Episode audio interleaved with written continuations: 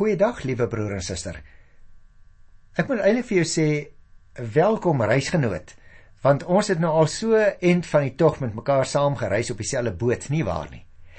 Vandag wil ek baie graag hier aan die einde van Johannes se 20ste hoofstuk, die evangelie volgens Johannes se beskrywing, so bietjie langer met jou stil staan. Daarom gaan ek stadig deur hierdie laaste paar verse. Dit is net vers 26 tot 31 van die ontmoeting wat handel oor die Here Jesus en Thomas. Nou sal jy onthou, liewe broer en suster, net om die verband reg te kry. Ons het uh, in die vorige program gepraat van die opstanding van die Here Jesus en daardie sonoggend hoe dat die vrouens by die leë graf gekom het en toe het ons gepraat oor die sondag aand toe die Here Jesus weer aan sy disippels verskyn het en hulle hulle self so 'n bietjie weggesluit het van die gemeenskap af omdat hulle bang was vir die Jode. Maar eh, toe was daar ook die berig wat hulle vir Thomas gaan deurgee het na die tyd en gesê het ons het die Here gesien. En hy het toe gesê Nee, as ek nie my vinger in daai gate steek in sy handpalms nie, my hand is die sy sis nie, sal ek nooit glo nie. En dit is oor hierdie ding wat ek so bietjie met jou wil gesels. Miskien dalk eers oor hierdie man Thomas want jy sal onthou uh, luisteraar Thomas wat in die eerste plek gewoonlik onthou word as die een wat baie getwyfel het moet vanweë sy geloof met eerbied beskou word wil ek vir jou sê hoor. Hy het wel getwyfel maar sy twyfel het 'n bepaalde doel gehad aangesien hy daardeur tot die waarheid wou deurdring. Hy wou nie sommer net ligtelik goedjies aanvaar nie. Thomas met antwoorde het nie sy twyfel gekoester nie maar hy het gereageer met geloof toe hy antwoorde op sy vrae kon vind.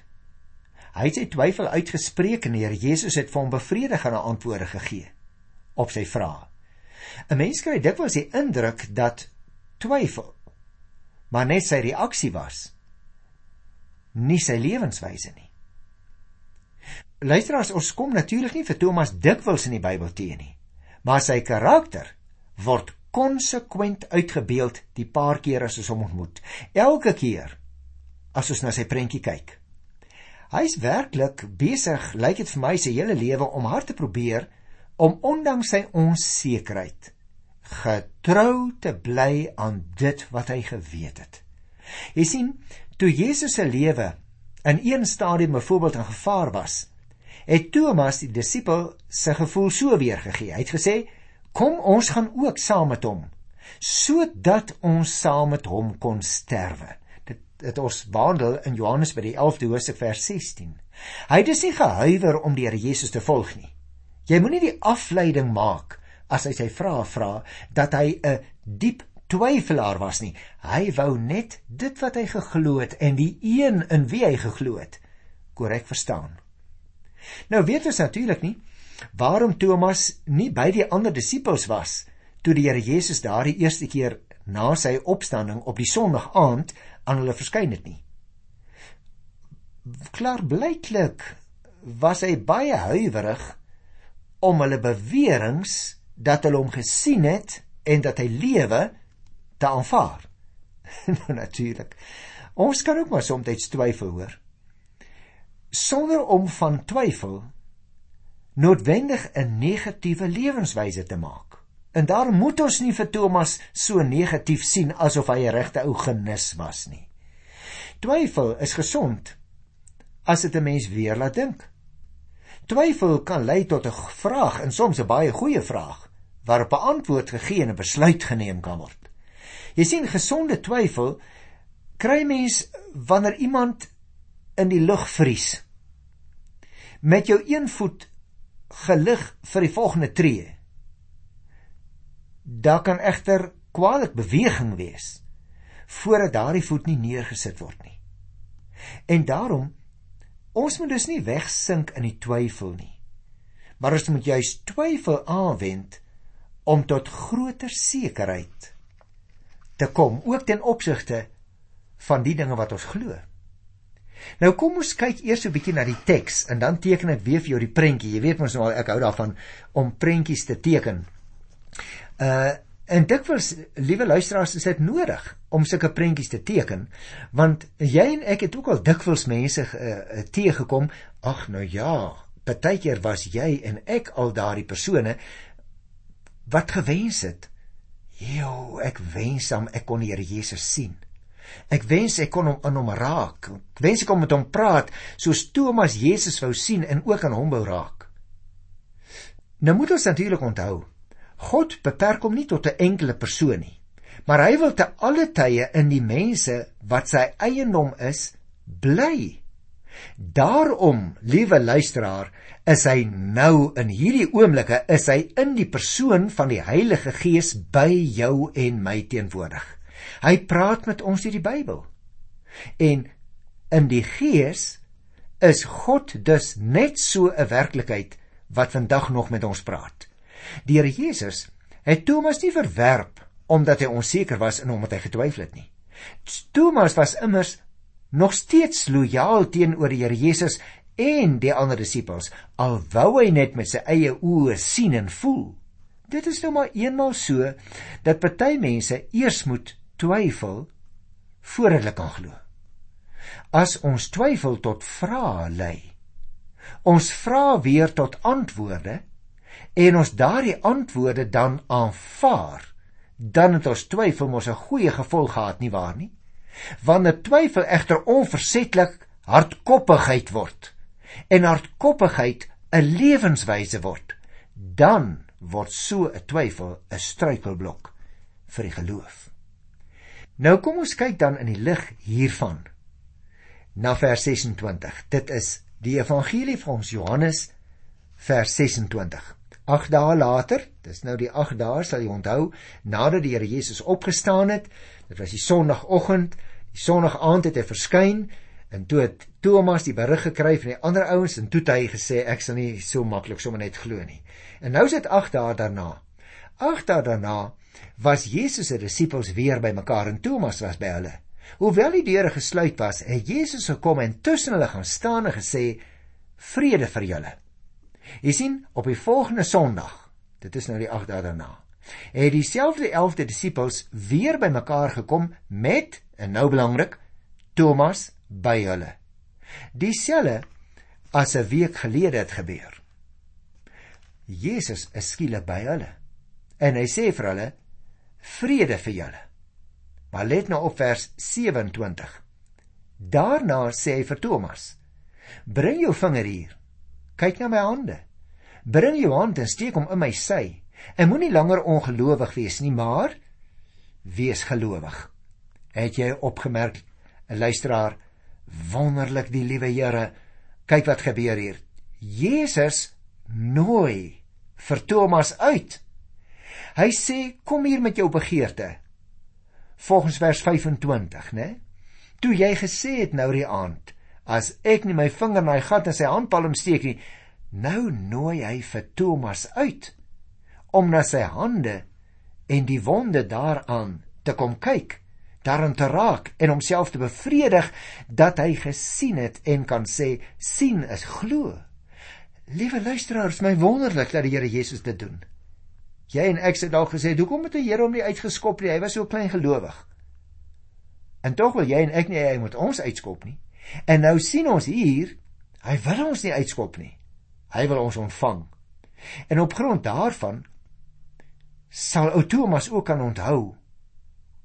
Maar die Here het opgestaan. Dit is dus belangrik dat ons dit hier sal raak sien want Jesus se opstanding was uniek. Hy was nie 'n spook nie, luisteraars.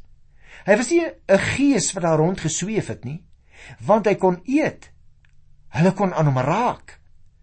Jesus se opstanding was letterlik waar. Dit was fisiek waar. Hy was nie 'n gees sonder 'n liggaam nie. Ons dink so soms oor sy opstanding. Maar hy sê Thomas kom hier. Kom steek jou hand in my sy. Kom steek jou vinger in die opening hier in my handpalm. Vers 28. En Thomas sê vir hom: my Here en my God. Hy wie luisteraar, ek lees daar niks van dat dit nog vir Thomas nodig was om regtig fisies aan die Here Jesus te raak nie. Dit word nou 'n geloofsaak. Waarskynlik het Thomas nie eers die toets uitgevoer om aan die Here Jesus te raak nie, maar hy het die Here Jesus se woorde aangegryp. Want sy antwoord wat hy vir die Here Jesus gee, spreek boekdele. Hy sê vir Jesus: "My Here." Wat gewoonlik as 'n titel van eerbetoon gebruik is, maar in hierdie geval en veral na Jesus se opstanding gebruik is vir die opgestane Here. Het jy opgemerk? Die vroeë gemeente buig die knie voor Here Jesus as die Here. En Thomas bely Jesus ook as my Here en my God wat natuurlik dadelik herinner aan 'n ou bekende Ou Testamentiese belydenis. Gaan kyk gerus maar in Psalm 91 vers 2. Dan sê dit ook daar kry. Dit handel hier nou in die Johannese vertelling oor die identiteit van Jesus. O, ekskuus dat ek dit elke keer vir jou uitlig, liewe luisteraar, maar ek wil hê jy moet verstaan Johannes maak 'n punt daarvan om die identiteit van die Here Jesus te beklemtoon. Wie jy hoekom dit nodig is in ons tyd omdat baie mense juis die identiteit van die Here Jesus in ons tyd ontken. En daarom is daarom wys ek dit uit. Dis vir ons verskriklik belangrik. Luister na vers 29. Toe sê Jesus vir hom: "Glo jy nou omdat jy my sien? Gelukkig is die wat nie gesien het nie en tog glo." O, nou hierdie wonderlike woorde van die Here Jesus moenie verstaan word as 'n vergelyking tussen geloof sonder sien en geloof as gevolg van sien nie. Nee, die betekenis is eerder dat die wat nie die voorreg gehad het om die opgestane Here Jesus persoonlik te sien nie, nie slegter daaraan toe is as die wat hom wel gesien het nie. En dis baie belangrik luisteraars. Wanneer Jesus dus aan Thomas sê, "Gelukkig is die wat nie gesien het en tog glo," beteken dit nie dat Jesus sien en nie sien nie. Hy stel dit nie teenoor mekaar nie. Dis eerder te verstaane dat uh, diegene wat nie bevoorreg was om die opgestaane Jesus te sien nie, nie slegter daaraan toe is as diegene soos daai disippels wat hom fisies met hulle eie oë gesien het nie. En daarom vers 30. Jesus het nog baie ander wondertekens wat nie in hierdie boek beskrywe is nie voor sy disippels gedoen. Die skrywer, liewe luisteraar, van die evangelie van Johannes het sy stof geselekteer. Dis duidelik. Hy het nie al die wondertekens opgeteken nie, so sê hy nou self hier. En hy het ook in Hosea 2 vers 11 daarna verwys toe hy die eerste wonderteken gedoen het.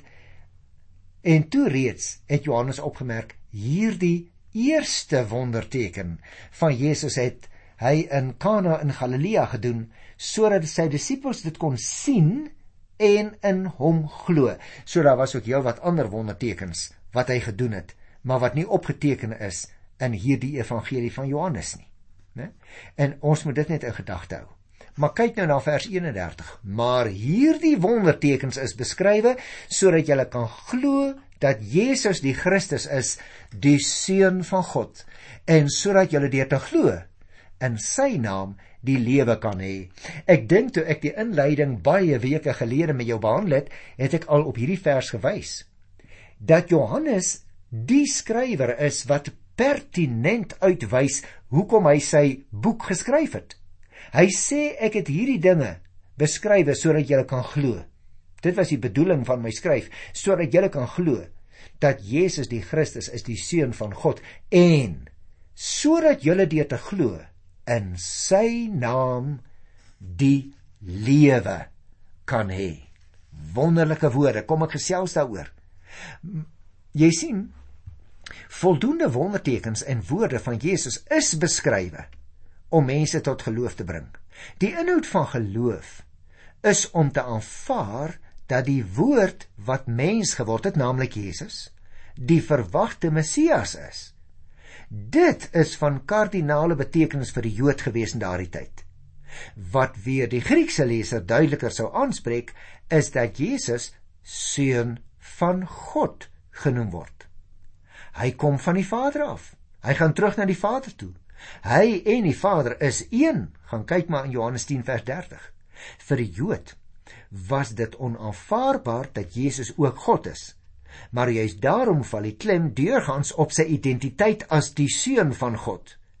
En dit word so beskrywe dat elke groep aansluiting kan vind by die woord vanuit die denkwêreld wat hy self dink of jy nou Jood is of jy 'n Griek is of jy met ander woorde meer konkreet dink en of jy meer rasioneel dink nie in beelde nie maar in woorde begrippe dit maak nie regtig saak nie dit is juis die radikaliteit van die vertelling oor Jesus die bestaande denkwêreld van elke groep moet deurbreek word sodat die Grieksgesinde ten volle die mensheid van Jesus kan aanvaar en die Jode hom ten volle kan aanbid as God.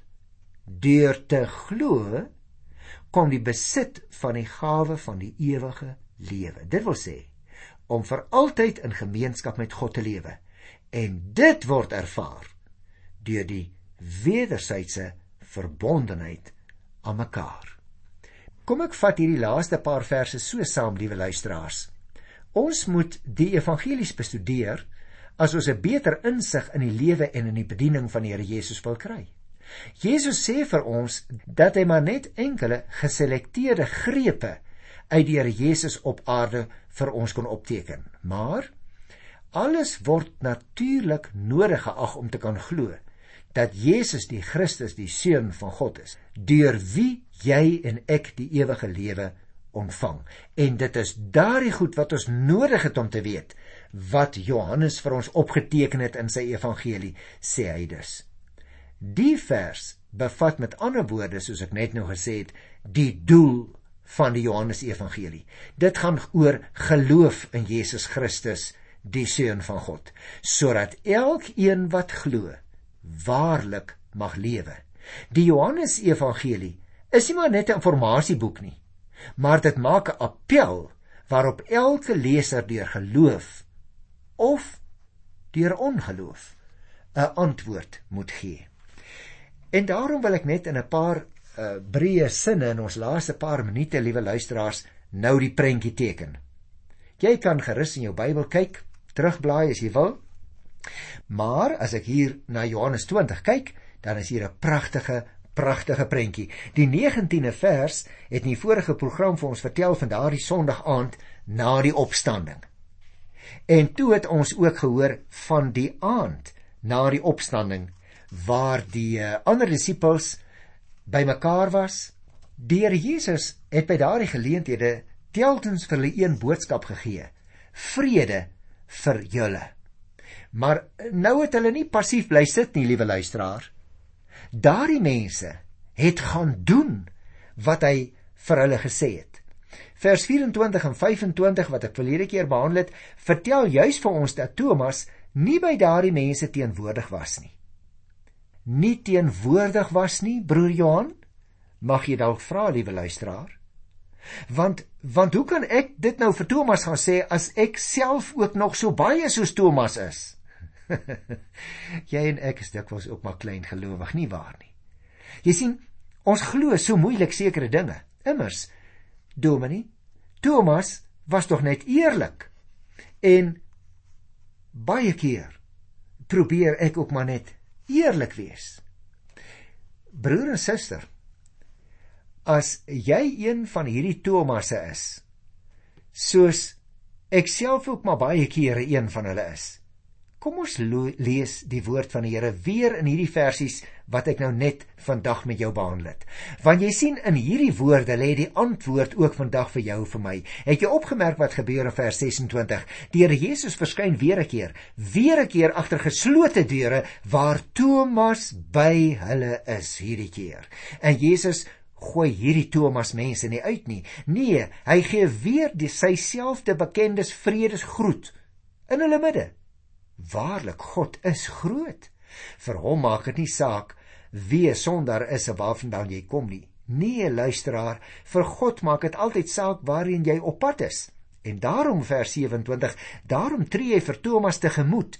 Nooi Jesus vir Thomas na hom toe. Vra Jesus vir Thomas, kom stel my op die proef. Kom kyk of dit werklik ek is. Kan jy jou dit voorstel, geliefde? 'n Thomas mens met sy twyfel voor God. 'n Sonder mens Thomas voor die God mens Jesus. Maar daarin lê juis die antwoord die godmens Jesus. Want jy sien in sy wye genade het God mens geword in Jesus Christus. Kan God verstaan dat jy en ek ook soms twyfel en bang is in Jesus Christus het God jou en my broer geword geliefde wie jy ook al is wat vandag na die radio luister Jy wat 'n sondaar is net soos ek en net soos Thomas, Jesus wil jou broer wees. Geliefde, Jesus wil dat jy en ek vrede met God sal hê. Ook al is jy met 'n stuk in 'n lewe dalk hier in die middestad waar ek woon, maar ook al is jy dalk met 'n stuk in 'n lewe daar iewers op 'n plaas, al ry jy dalk in hierdie oomblik in 'n motor en jy het en jy is iemand met 'n stuk in 'n lewe, ook al kruip jy weg voor 'n radio in 'n gehuggie, ook al is jy in die gevangenis of iewers anders. Ek verkondig vandag aan jou in God se naam vrede. 'n Vrede wat alle verstand te bowe gaan.